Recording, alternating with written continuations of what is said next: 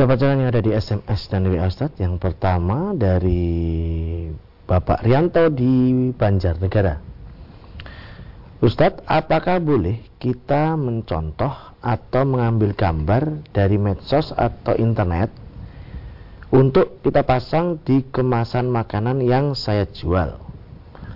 Yang kedua, bila kita memblokir pertemanan di medsos, apakah kita sama saja memutuskan silaturahim, Ustaz? Iya. Jadi yang pertama mengambil gambar dari internet untuk dipakai merek pada produk kita, umpamanya makanan tadi. Jadi kalau model seperti itu lebih selamat jangan dilakukan. Jangan dilakukan. Itu kan jiplak karya orang lain nanti. Maka kalau kita punya produk dah diberikan label atau apa yang karya kita sendiri saja. Itu lebih menyelamatkan. Lebih menyelamatkan. Jadi kita itu supaya percaya diri. Percaya diri. Kita bikin produk sendiri, ya kita beri label sendiri. Kemudian yang kedua,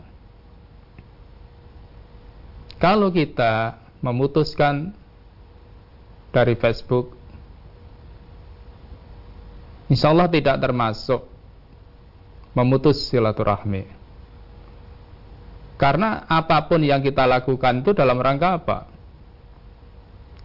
darul mafasid aula min jalbi manafi menghindarkan kerusakan itu lebih diutamakan daripada mengambil manfaat Mungkin dengan Facebook itu kita dapat manfaat kenal sana sini, tapi mandorotnya juga banyak. Kadangkala mandorotnya lebih besar daripada manfaatnya.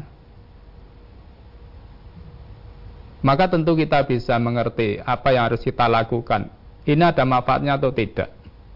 Kalau tidak ada manfaatnya bahkan membawa mandorot lebih baik Begitu Bapak, semoga bermanfaat.